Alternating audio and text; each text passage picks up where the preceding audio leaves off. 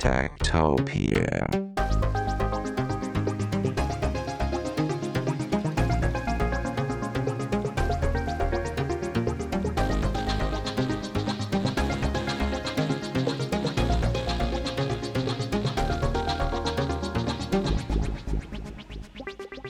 Techtopia. Tektopia er en podcast om mennesker og deres teknologi, udgivet af Ingeniørforeningen Ida i samarbejde med Teknologiens Mediehus og støttet af Ida Forsikring, DK Hostmaster og Messecenter Hernings konferencer, EUT, HI og Automatikmessen. Mit navn er Henrik Føns, og det er mig, der bestemmer i Tektopia. Techtopia.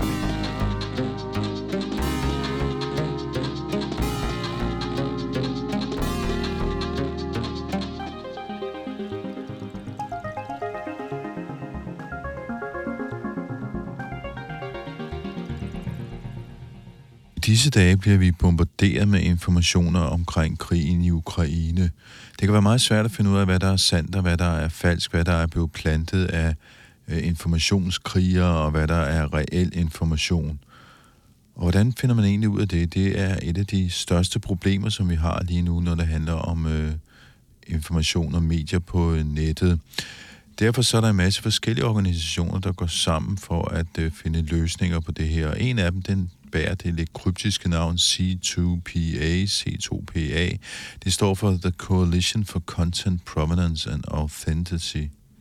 Og det betyder altså koalitionen for indholds, herkomst og autenticitet, hvilket vil sige, at øh, det, det går ud på, det er, at man kan stå inde for, hvor indholdet kommer fra, og hvem der har lavet det. Og hvordan øh, den her sådan, organisation laver det, ja, det skal vi høre om i dag, hvor vi skal møde Andrew Jenks, der arbejder for Microsoft, og desuden er chef for det, der hedder Azure Media Security. Når vi nu bevæger os i den her verden af medier og journalistik, så kunne jeg også godt tænke mig at pege på et værktøj, som har gjort min hverdag lettere. Jeg har været journalist i tæt på 40 år, tror jeg, og jeg har lavet båndudskrifter i måske 20 af de 40 år. Sådan føler jeg det i hvert fald. Når man kommer hjem og har optaget et interview, og man skal lytte til det og skrive det ud og finde ud af, hvad der egentlig bliver sagt, det kan man simpelthen bruge utrolig lang tid på. Så jeg har i årvis ønsket mig en øh, kunstig intelligens, der simpelthen kunne skrive de her sådan, lydfiler ud for mig. Og jeg har prøvet forskellige løsninger, men de har aldrig rigtig været gode. Nogle af dem har fungeret okay på engelsk, men øh, på dansk har vi aldrig rigtig haft noget, der faktisk øh, virkede. Men det har vi nu. My Good Tape hedder det, og det er faktisk øh, den lille danske medievirksomhed, der hedder Zetland, som har fundet på det. Og det er baseret på det, der hedder Whisper, som er en teknologi, som OpenAI har lavet. OpenAI, det er jo som bekendt dem, der også står bag ChatGPT, men øh, Whisper er så noget helt andet, det er nemlig sproggenkendelse. Så øhm, jeg tog en tur til Zetland for at snakke med deres direktør, for at høre, hvordan de egentlig havde lavet det her projekt, og hvorfor det fungerer så godt. Det kan du høre mere om i den anden halvdel af Tektopia, fordi allerførst så skal vi hilse på Andrew Jenks fra Microsoft, der skal fortælle os om, hvordan man kan sikre autenticiteten af et stykke indhold. Det kan være et foto, det kan være en video.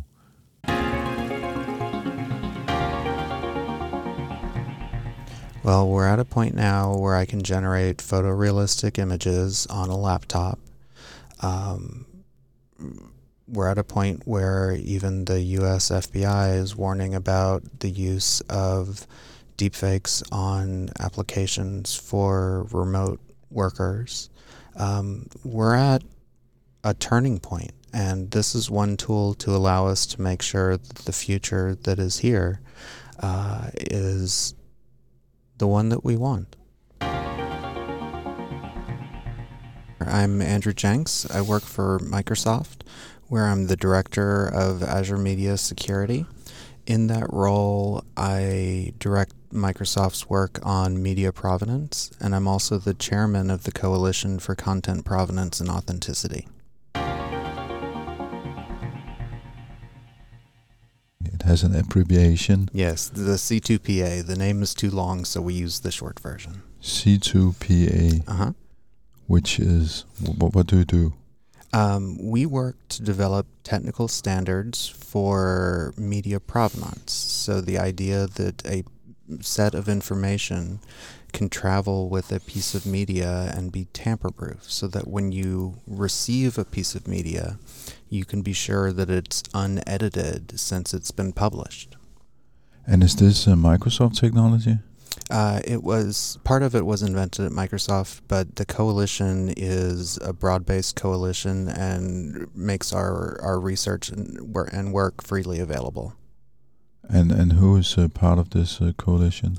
Adobe, TruePic, Intel, ARM, Twitter, um, a bunch of the big technology companies, and then a whole raft of associated members uh, at a couple levels of membership across technology companies, news companies, CDN companies, non-geographic or non-governmental organizations, and others.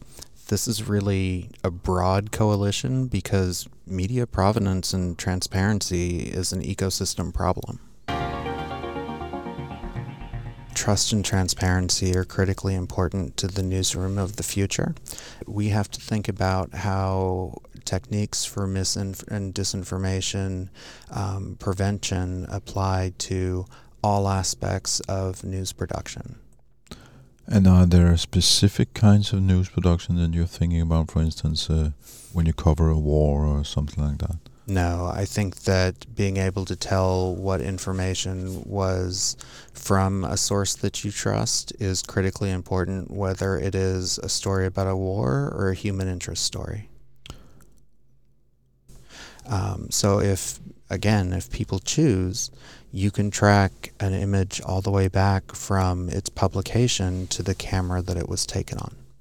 It's a very simple concept with very powerful ramifications, right? What we've done isn't new technology. We didn't invent brand new ways of doing media. We took existing pieces and put them together in a new way to allow people to operate um, more effectively in the, the ways and means that they do today. Uh, so you have this uh, coalition and uh, this uh, technology. For how long have you been running? Uh, we've been working together for approximately three years. So it's been running for three years now. Yeah. How does it work? What what what do you do? Uh, we produce interoperable standards so that folks can add secure metadata to things like images, photos, and videos. Which means that you will always be able to recognize the, the source of a, of a piece of content. Yeah, if a piece of media comes with what we call a provenance manifest, you can be sure of the uh, signer of that. So whoever uh, last touched that, and the content has been unedited since they published it. And why is this important? I mean, what kind of problem is it that you actually solve with this? Well, it's the double hop problem. When we used to consume things like news and information, we used to get them directly from the source, right? You would watch a TV show, you would read a newspaper. Now, most people get their news and information from social media, from Reddit, from Twitter, from Facebook, and other sources like that. When I see something on one of those sources that claims to be from the BBC, I don't know whether or not it's actually what the BBC published provenance gives us a, a, way to be able to say this came from the BBC and it is untampered since the time it was published. So it's um, yeah, just to clarify, you need to be part of the coalition to use this technology, or could I, for instance, also use it on my podcast? Oh, you could use it on your podcast. So, one of the nice things about the coalition and one of the decisions we made early on was that we want this to be a- available to everyone. So, our standards and technology are available um, publicly on the web. You could use a tool that adds provenance information to your podcast. Um, we want this to be generally available to folks. So, it's also free of charge? For the specification, yes. What does it mean for the specification? Uh, so the specification tells you how to implement it. So you're using a tool to record this podcast, right? And you probably want that tool to support it. So you could go to your tool vendor and say, hey, it would be really great if you supported provenance and they could build it into the tool and you would get that functionality just through using this. Well, so there's this thing called a manifest that includes all the information about all the metadata that was published about a piece of media. And that manifest is cryptographically bound to the pixels of that image. So if I change the image, that signature breaks and it doesn't validate anymore. And that was kind of a geeky way of saying if I mess with it, um, I can tell. But what if I just edit, for instance, your head out and put your head into another picture? Will it be able to identify your head as being part of uh, something which was covered by a manifest? Uh, it depends. If the tool that you use to do that uh, supports provenance, then yes, that's called an ingredient. Um, you took a piece of a photo and used it over here. Uh, you or you took an entire photo and color corrected it. Um, some of that can be tracked, and some of that uh, can't be. It it depends. How do you claim your uh, copyright if you uh, discover that someone is uh, tampering with your content? Um, C2PA doesn't say anything about licensing rights. Uh, we stay out of that and leave that to the lawyers. You can think of it as a, a watermark for metadata, really. Um, so watermarks are generally inserted into the pixels of an image. This is something uh, kind of similar for the metadata of an image. And that's really cool because that metadata travels with the image, right? And so if I have a file that has this information in it and I send it to you, you have that information as well. What you can trust is that if I see a piece of content with a manifest that says it came from a particular source, it did come from that source, and it, if it validates, it's untampered since the time they published it. So it's very important to note that just because something comes with provenance, that doesn't mean that it's true or even that it's original. What it means is an entity published this and it's untampered with since the time it was published. Okay. And uh, I guess you have to do some work educating people about this to know what is false and correct, fact and fiction. Very much so. When we talk about dealing with mis and disinformation, we talk not just about technical solutions, which are a part of it, but also about media literacy, about government regulations, and about uh, social and political science, right? All of that has to come together to make the problem less of a, an issue. Um, technology is not the silver bullet. It is one tool in our toolbox to be able to address this. And it can be used on all different kinds of media. I mean, you mentioned video and photographs and uh, audio. So the specifications today support several different photo, audio, and video formats. We're continually evaluating more formats to determine um, which additional ones we should add. And when it comes to, for instance, uh, synthetic voices or synthetic uh, persons, mm-hmm. That's one of the really cool things about the technology is that if you produce something synthetically, there's a there's a piece of metadata that lets you say, I generated this synthetically. And so there are artists working in synthetic media, right? They have the ability to mark their content as synthetic, and when I receive it, I know that that is synthetic, that it wasn't an authentic image or video that was taken from a camera. So you can actually state that this is uh, artificial. Yes. Yeah. Okay. I mean, you mentioned it's not blockchain. How does it work? Then it's just like a watermark, a, a piece of code that you put into the file. Yeah, it goes directly into the file. It's part of the metadata. So if you take a image on your camera today, on your smartphone, for example, um, it adds something called EXIF metadata, which includes the things like the type of camera you use to take it, the location perhaps, other information. You can think of this as the same type of stuff, except for bound to the pixels, so it's unchangeable and unalterable. Uh, and I noticed that on your website you have a video of a photographer taking a picture on the Brooklyn Bridge. I think he's standing uh, in New York. Does it automatically um, um, combine the picture with this uh, metadata and this manifest uh, when you use your phone? How, how does it work? Is it an app or what is it? Um, so that's that I think is a critically important point. When we sat down and created the C2PA, one of the first things we said was we have to protect the privacy of individuals, right? That's critically important to us.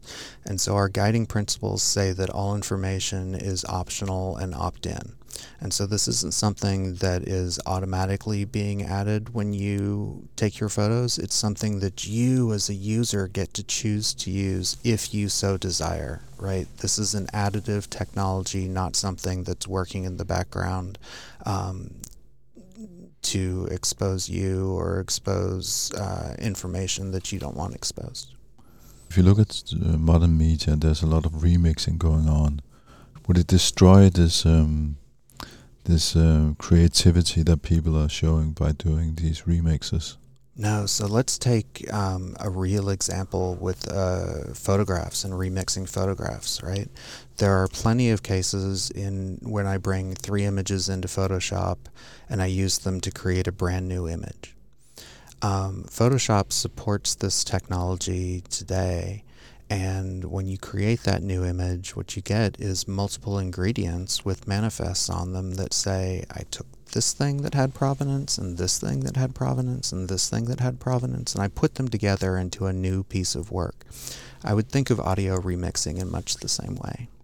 So you can actually document what kind of pieces you put into your remix. Mm-hmm. Ah, okay.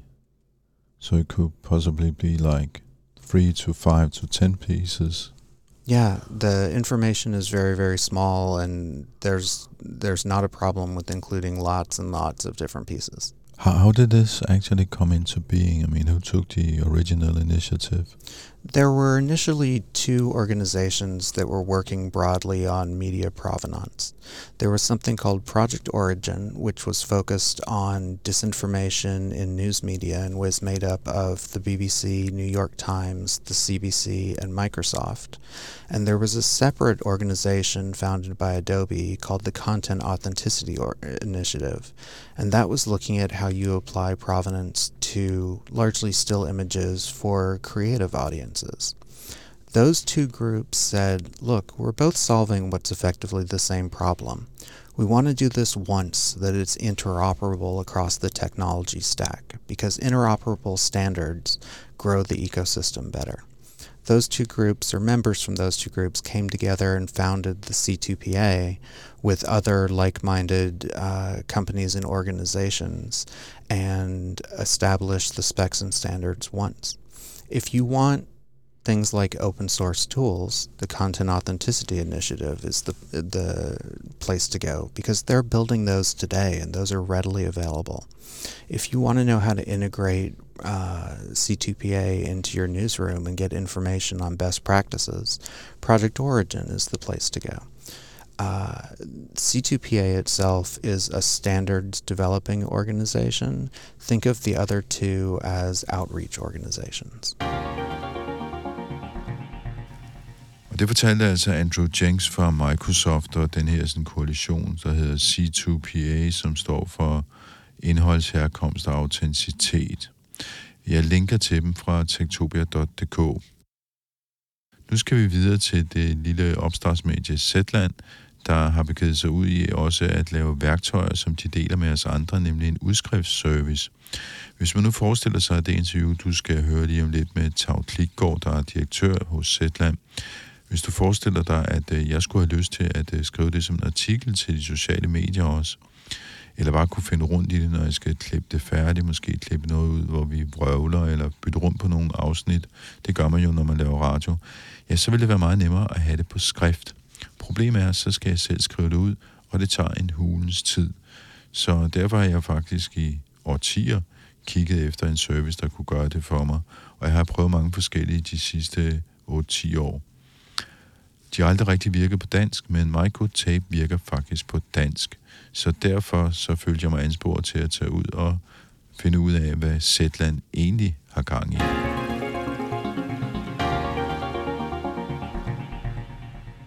Jeg hedder Tav Klitgaard, jeg er direktør på Zetland, og har været det i en snart tre års tid. Øh, og før jeg kom til Zetland, så har jeg en karriere i sådan software-produktudvikling, og er derfor muligvis en lidt en atypisk mediedirektør i Danmark i hvert fald, fordi jeg ikke er journalist, men derimod faktisk øh, har en baggrund som i, i tech, eller som softwareudvikler, som product manager. Det er jo heldigt, fordi det er jo tech, vi skal snakke om i dag. Vi skal snakke om jeres øh, udskriftsservice, øh, MyGoodTape. Øh, hvad er det? Ja, så GoodTape er en, en nem og gratis øh, måde at transkribere lydfiler, så du får en tekstfil. Og det er målrettet, og i hvert fald her i første omgang til journalister, øh, den måde journalister arbejder på, at man er ude hos en kilde øh, med sin diktafon eller sin telefon eller sin båndoptager, optager en halv eller en hel times interview, og som det fungerer i dag, så går man hjem på kontoret bagefter, og så sætter man sig til at være robot, nemlig at lytte det igennem og skrive ned på sit tastatur øh, øh alt, hvad der bliver sagt på båndet. Og det gør man jo fordi, at man gerne vil have det kodificeret, man vil gerne have en måde at kunne huske, hvad der blev sagt, og også kunne søge i, hvad der blev sagt. Og der fungerer tekst noget bedre end lyd. Og derfor har man den her øh, proces, hvor man skal have lydfilen lavet om til en tekstfil. Og det har indtil nu fungeret sådan, at man enten gør man det selv, eller også er man heldig at have en studenter med hjælper til at gøre det. Men, øh, men det er så det problem, vi har løst med GoodTape, øh, at nu kan vi sætte en maskine til at gøre det, og den kan gøre det meget hurtigere, end man selv kan gøre det. Nu har jeg jo i min efterhånden ganske lange karriere som journalist, og ikke mindst som radiojournalist, transkriberet utallige timer og, og minutter og øh, samtaler og interviews, og jeg har været ved at blive sindssyg. Jeg har prøvet flere forskellige tjenester, som ikke fungerede særlig godt, men øh, grunden til at tage ud og snakke med jer, det er jo simpelthen fordi, jeres tjeneste fungerer faktisk, både på engelsk og på dansk, og vist også flere andre sprog, så vidt jeg har forstået. Så hvad er det, I har gjort, som gør, at den faktisk virker? Jamen det vi har gjort er jo, at uh, selve den uh, store sprogmodel, som, som, uh, som er den, der, der kan transkribere, det er ikke en, vi selv har udviklet. Det er en open source model, som hedder Whisper, som er lavet af det samme firma, som, uh, som hedder OpenAI, som er dem, der laver ChatGPT, som mange vil kende. Uh, og en måneds tid inden, at de udgav ChatGPT, så udgav de en model, der, der hedder Whisper, Øh, og, øh, og det var jo all the fuss i noget tid, men så skete der det, at ChatGPT kom, og så begyndte alle at snakke om den i stedet for. Men, men Whisper er en, øh, en, en sådan truly open source øh, model, øh, som, som, for, som for første gang øh, øh, gør det, altså kan faktisk øh, øh, transkribere, altså kan sende en tekstfil tilbage, når den får en lydfil som input. Og den er sindssygt god til det på dansk. Øh, og, og, øh, og det vi jo så ligesom satte os for, det var at finde ud af, er det, er det også tilfældet på alle mulige andre sprog? Altså øh, er, der, er der faktisk et, et globalt øh, marked for det her, og, er, og kan Whisper-modellen være en løsning på det globale problem? Og, og vi kan jo nu se her to-tre måneder senere, at ja, svaret ja til begge dele. Modellen fungerer fabelagtigt på spansk, øh, kinesisk, øh, katalansk, øh, græsk, øh, kroatisk, norsk, svensk, dansk. Øh, den fungerer simpelthen super godt på så mange sprog, og den, lige præcis den oplevelse, som du øh, kan genkende, nemlig øh, at have prøvet givetvis rigtig mange gange i dit professionelle liv at lede efter en service, der kunne det der, fordi det er klart, det er ikke det sjoveste ved dit arbejde, ved at skyde på. Øh, så kunne man dog ikke finde en maskine, der kunne gøre det. Og, og her for første gang må vi sige, jo, nu findes den maskine faktisk. Men i forhold til at forstå dansk, mm. øh, så har det jo tidligere været et problem, fordi øh, de sprogmodeller, der har været på dansk, har været så, øh, jeg vil ikke sige, at de har været dårligt trænet, men de har været så små, fordi mængden af danske eksempler er så lille, så der er ikke særlig meget materiale at træne dem på. Så hvordan kan det være, at Whisper fungerer? Altså, hvad, hvordan er den blevet trænet? Hvordan, hvordan er det sket, det her? Ja. Det er jo et super godt spørgsmål. Jeg, jeg kan faktisk ikke svare på det. Altså, dem, dem, du skal stille det spørgsmål, det er jo OpenAI, altså det, det firma, der har lavet den. Øhm, man kan sige, modellen er jo trænet på en hel masse data på tværs af alle mulige sprog, der, der, har, har, der, der findes på internettet. Modsat ChatGPT, så, så er det jo ikke sådan, at man kan sige, at der er gået en hel masse opdragsret ind. Altså, altså øh, de her, øh, altså både ChatGPT, men jo også Midjourney, og de her, der ligesom laver kunstværker, som jo på en eller anden måde kun kan laves, fordi der er gået noget ind i dem. Øh, de, de er jo det, man kalder generativ AI, øh, hvor Whisper-modellen, den er noget andet. Den den finder simpelthen bare ud af, hvad bliver der sagt, øh, øh, hvad, analyserer lydfilen, og så sender en, en tekstmodel tilbage. Og det er jo lidt et godt spørgsmål, hvordan har de kunne lave den så god, når alle de andre services, øh, der findes på markedet, de er, øh, lad os nu bare sige det som det er, ubrugelige øh, på for eksempel dansk. Øhm, jeg, jeg har ikke svaret, jeg ved det ikke, jeg kan bare konstatere, at det har de gjort. Øh, det er så fabelagtigt godt, at man meget nemt kan tale om et før og efter oktober 2022. Altså det, før det, der var det, hvis du, var, hvis du talte engelsk, og måske hvis du talte tysk, muligvis er der nogen, der siger også, hvis du talte fransk, så, så kunne du faktisk godt bruge de services. Den, de eksisterende gamle, store modeller er jo glimrende på, på engelsk. Øh, men for eksempel på dansk, øh, der, der har der bare ikke været noget, der var godt nok. Øh, og i, og de, de udviklingsprojekter, der har været, de, de har været så dyre, at så bliver produkterne også utrolig dyre. Øh, og, og her med, med, med open source teknologien, så kan vi pludselig se, at på grund af den måde, det bliver lavet på, så kan det pludselig blive tilgængeligt for en helt, helt masse, øh, mange, mange flere mennesker. Altså til en pris, der er en helt, helt anden, end, end, øh, end den var før oktober 2022. Nu begynder spørgsmålet hos op. Du snakker pris og alt muligt andet. Ja. Men øh, inden vi kaster os ud det, øh, altså en ting, jeg jo tænker på, det er, når jeg har lavet et interview, måske kan det være følsomt, det der bliver sagt i øh, interviewet, eller det kan være noget, en historie, jeg ikke vil dele med andre. Altså, hvad sker der med det indhold, efter at det blev transkriberet? Bliver det læret et eller andet sted, eller, eller hvad sker der egentlig? Jamen, det er jo også et rigtig godt spørgsmål. Det er jo, jo det første spørgsmål, vi får fra alle, vores, øh, alle de potentielle brugere af, af GoodTape. Det er jo øh, ikke alene har vi at gøre med GDPR, der kan jo være person, øh, følsomme, eller personoplysninger, men der kan jo altså også være kildebeskyttelse, som jo er en, jeg mener, en anden liga end, end, end bare at overholde GDPR. Øh, så det var i virkeligheden det første, vi startede med at sige, at hvis det her produkt skal være for journalister, så skal vi have fuldstændig styr på datasikkerheden. Så godt som man nu kan, og, og vi, så vi skriver på, på alle vores øh, security-sider øh, inde på vores side, så øh, er det jo klart, at når data skal overføres fra et sted til et andet, ja, så er der en eller anden risiko øh, for, at det bliver tabt. Og jeg plejer jo at sige, vi, vi har gjort det. Øh, vi, vi bruger de, de sikreste tjenester på markedet. Data forlader aldrig EU, og i det øjeblik, filen er blevet, lydfilen er blevet transkriberet, så bliver den slettet. Bum, findes ikke mere hos os. Øh, men det er klart, for at vi skal kunne give dig din transkriberingsfil, altså tekstfilen, så er vi selvfølgelig nødt til at have den. Øh, og den kunne vi jo teknisk set øh, åbne op og kigge i. Øh, det, det, det, det, det, det kunne jo lade sig gøre øh, for vores, øh, for vores øh, teknikere. Det gør vi selvfølgelig ikke, øh, og det har vi en, en kontrakt med folk om, at selvfølgelig gør vi ikke det. Men man skal selvfølgelig forstå, teknisk set, så kan det godt lade sig gøre. Øh, jeg plejer altid at sige, i forhold til at have en studenterhjælper til at transkribere sine interviews, så vil jeg sige, at det her det er noget sikrere, øh, fordi vi, øh, vi tager ikke, vores server de tager ikke i, i kødbyen i aften og, og bliver beruset, eller hvad man nu kunne finde på. Øh, så, så jeg tror, jeg tror, hvis man sådan ved en lille smule om datasikkerhed, så tror jeg, man rimelig hurtigt vil, vil kunne se, og det, det er der jo flere store institutioner, der er i gang med at gøre også med GoodTape, og, og ligesom sige, at der er, der er styr på den del det har ligesom været det første punkt, vi skulle takle. Kan, man, kan det overhovedet lade sig gøre at lave en service, som, hvor vi kan holde data inden for EU? Altså kan vi overhovedet ligesom overholde, øh, hvad det skulle? Det, det, det kunne godt lade sig gøre. Øh, og vi har jo nu lavet en service, hvor vi står helt og fuldt inde for øh, den øh, sikkerhed, der er, sådan så at, at, øh, at, øh, at vi er sikre på, at der ikke sker øh, datalæk. Og det handler ikke kun om lydfilen, det handler vel også om den transkriberede fil, altså selve tekstfilen, der kommer ud af det? Ja, det handler, det handler om begge dele. Så lydfilen lige nu, øh, den sletter vi, så snart vi kan komme afsted. Vi er nødt til lige at have den, indtil vi har fået den transkriberet. Men, men lige så snart, at, at, at den er blevet det, så, så bliver den slettet. Øh, der er dog mange af vores brugere, som efterspørger nu, at øh, om vi ikke godt kunne passe på lydfilen for dem, og det, det kunne man sagtens forestille sig, at vi kunne gøre. Øh, lige nu, der kan man også, hvis man logger ind, så, så er det faktisk, har, så giver det også en mulighed for faktisk at levere transkrib, den transkriberede fil øh, mere sikkert til dig. Så før vi havde bygget login, så var vi nødt til at sende den en e-mail til dig, og det tror jeg, de fleste af den lytter, eller den her podcast ved, at det er ikke super sikkert at sende sådan en e-mail afsted. Øh, så der har vi nu bygget sådan, så du kan lave et, et, øh, så du kan logge ind sikkert og downloade din fil, for du skal selvfølgelig have fat i den på en eller anden måde. Øh, så, så, så det, øh, det arbejder vi med. Men det er klart, både tekstfilen og lydfilen kan jo indeholde øh, både personfølsomme opløser, men jo også i virkeligheden øh, oplysninger, der øh, har høj værdi for, for, for den journalist, der nu, altså det kan være et, et scoop-interview eller et eller andet, som man sørger ikke vil have øh, andre for nallerne i.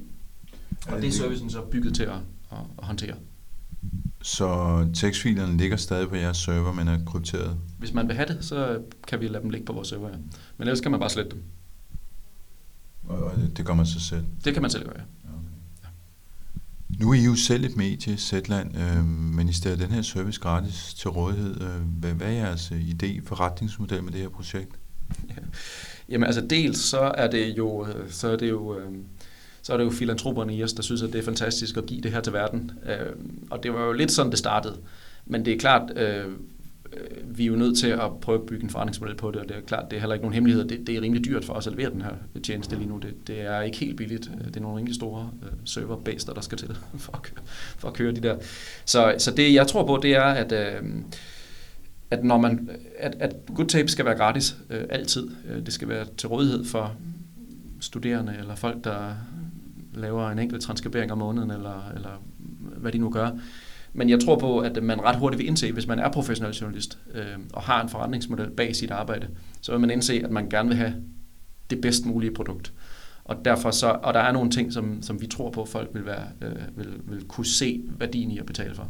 Øh, så, så på sigt er det meningen, at GoodTape skal blive til det, der hedder et freemium-produkt, altså hvor, hvor givetvis de fleste af dem, der kommer til at bruge det, kommer til at gøre det gratis, men der vil være nogle ting i det, som for eksempel, at man skal vente lidt længere tid på at få sin fil, eller forskellige andre ting, som man vil tænke, hvis man bruger det øh, igen og igen, og ligesom ser det som en del af sit arbejde, jamen, så vil man have lyst til at betale for det, og det kan så hjælpe os med at betale vores øh, regninger. Hvor, hvor mange sprog har I udskrevet på indtil videre? Jeg tjekkede lige, inden du kom, jeg tror det er 61 øh, nu, og øh, vi kan jo ikke rigtig, vi, vi kan jo ikke sådan helt styre det. Det, der sker jo, det er jo, at, at på samme måde som i Danmark, så, så sker der for eksempel det øh, for folk i Kina, at de taber kæben, når de prøver det her.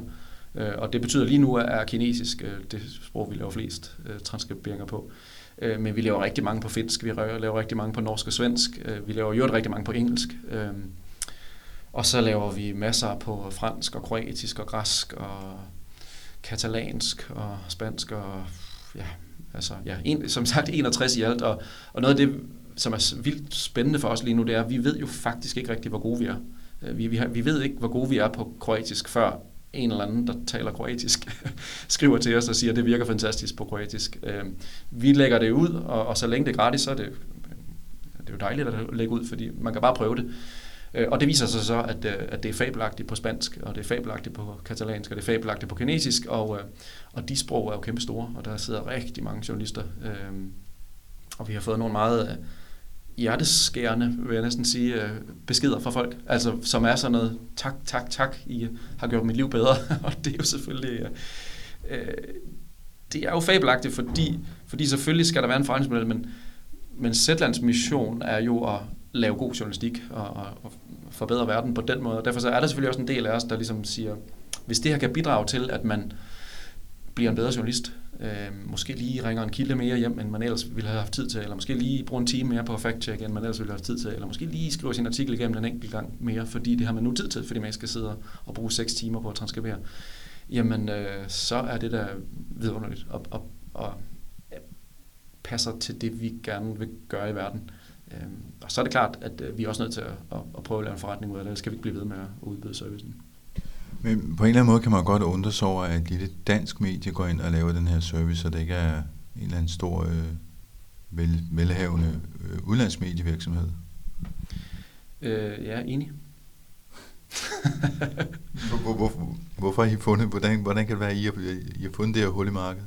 Øh, jamen jo fordi, at øh, vi har behovet. Vi har jo følt behovet meget, øh, meget stærkt. Men øh, det er klart, altså, der er jo også andre, altså Schibsted i Norge har for eksempel også øh, rodet med noget af det samme, og øh, er på mange måder lykkedes med også at lave et produkt, men, men, øh, men jo med al respekt for, for, for Schibsted, og, og det, så, så er det jo en lille smule, øh, altså nu har vi jo sådan rimelig tæt kontakt med de nordmænd, der sidder, og, og de, de er også skide gode, og de har meget svært, netop fordi deres organisation er så stor. Øh, altså, ham jeg talte med deroppe, han var sådan, jamen altså, jeg kan jo ikke tælle altså antallet af chefer, jeg skal have godkendelse af, øh, det kan jeg jo ikke tælle på en hånd for at kunne gå, gå videre med det produkt. Vi er jo måske, måske er vi lige præcis den rigtige størrelse, fordi at, øh, vi, vi kan tage hurtige beslutninger, men vi har trods alt en lille smule muskler til faktisk at lægge noget rigtigt arbejde i det her.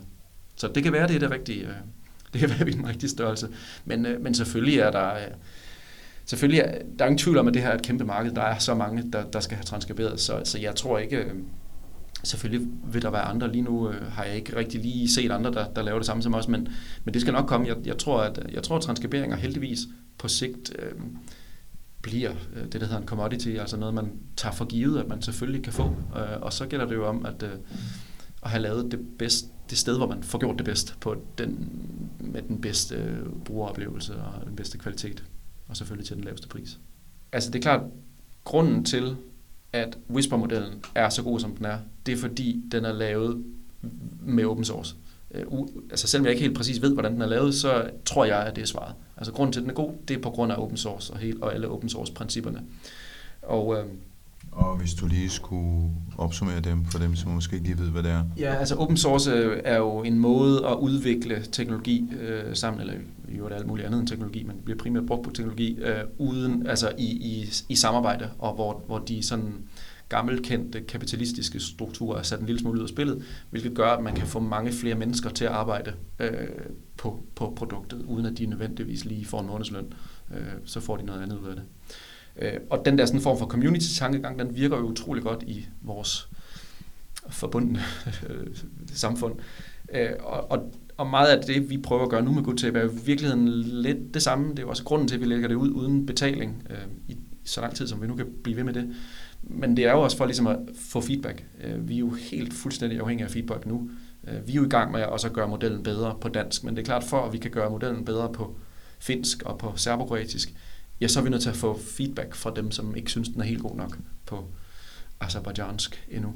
Øh, og øh, så jeg, jeg håber jo også, at nogle af dine lyttere vil, øh, er interesseret i det her felt og har lyst til at være med på en eller anden måde. Vi, vi, øh, jeg tror ikke på, at vi kan redde verden alene. Vi har brug for, øh, vi har brug for, for nogle flere til at være med i det her. Så, så hvis der er nogen, der synes, det her er spændende, så ræk endelig ud. Og man kan vel også forestille sig, at andre end journalister bruger den? Der er øh, allerede rigtig mange andre øh, end journalister, der bruger det. Jeg, jeg plejer at sige, øh, at GoodTape er, er bygget til journalister, men tilgængelig for alle. Øh, der er faktisk ret mange øh, fagområder, som arbejder ligesom journalister. Øh, for eksempel forretningskonsulenter. Øh, de laver rigtig mange interviews, som på mange måder minder lidt om det at være journalist. Øh, der er sådan nogle, øh, ja, for eksempel UX-researchers, altså også for at holde os lidt i tech-verdenen, øh, Øh, som laver rigtig mange brugerinterviews, øh, og som har brug for dem, for dem transkriberet, og de er ikke altid på engelsk, skulle jeg hilse at sige, øh, fra Zetland. Øh, og så er der jo øh, forskere, øh, og så er der jo den hele den store medical branche, som er den, den der ligesom har drevet transkriberingsmarkedet i mange år, øh, fordi alle hospitaler jo øh, transkriberer alt, hvad øh, læger, alt hvad der står i din journal, det er jo, er jo en læge, der har indtalt det, og så er det blevet transkriberet. Øh, og, øh, og der tror jeg ikke, øh, vi, vi er sådan rimelig øh, fokuseret på, at det, hvor, der hvor vi er gode, det er, at vi forstår, hvad journalister har brug for, øh, og det er det, vi har lyst til at lave. Men, øh, men det er klart, øh, øh alle andre er meget velkomne til at bruge det, og så er de jo også meget velkomne til at give os feedback og sige, når man som jeg bruger det til, at, til et eller andet, som jeg ikke kan forestille mig, så mangler jeg den her feature, og det er da spændende for os at høre også. Vi ved jo ikke rigtigt, hvor stort det her det kan blive.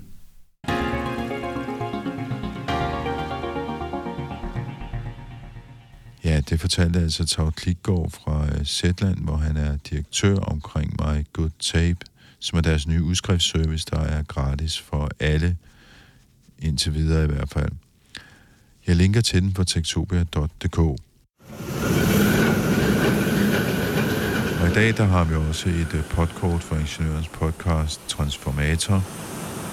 Sådan her lyder det, når 6.000 heste dieselmotor går i gang hver torsdag morgen på havnen i Rønne.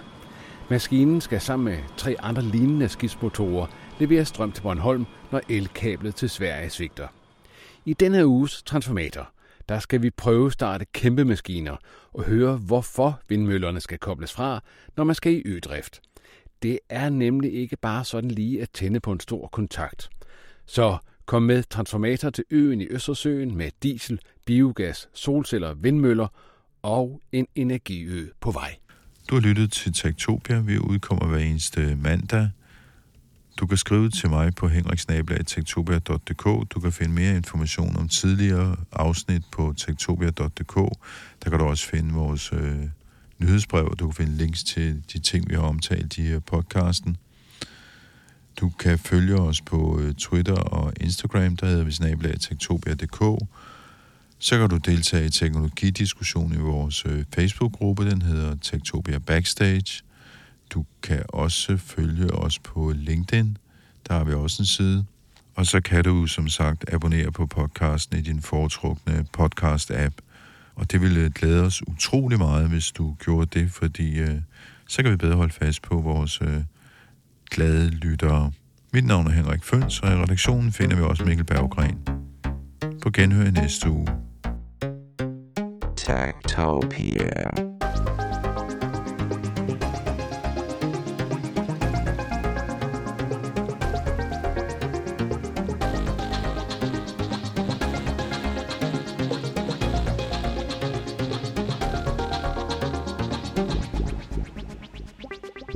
Tektopia er en podcast om mennesker og deres teknologi, udgivet af Ingeniørforeningen Ida i samarbejde med Teknologiens Mediehus og støttet af Ida Forsikring, DK Hostmaster og Messecenter Hernings konferencer, EUT, HI og Automatikmessen. Mit navn er Henrik Føns, og det er mig, der bestemmer i Tektopia. Tektopia.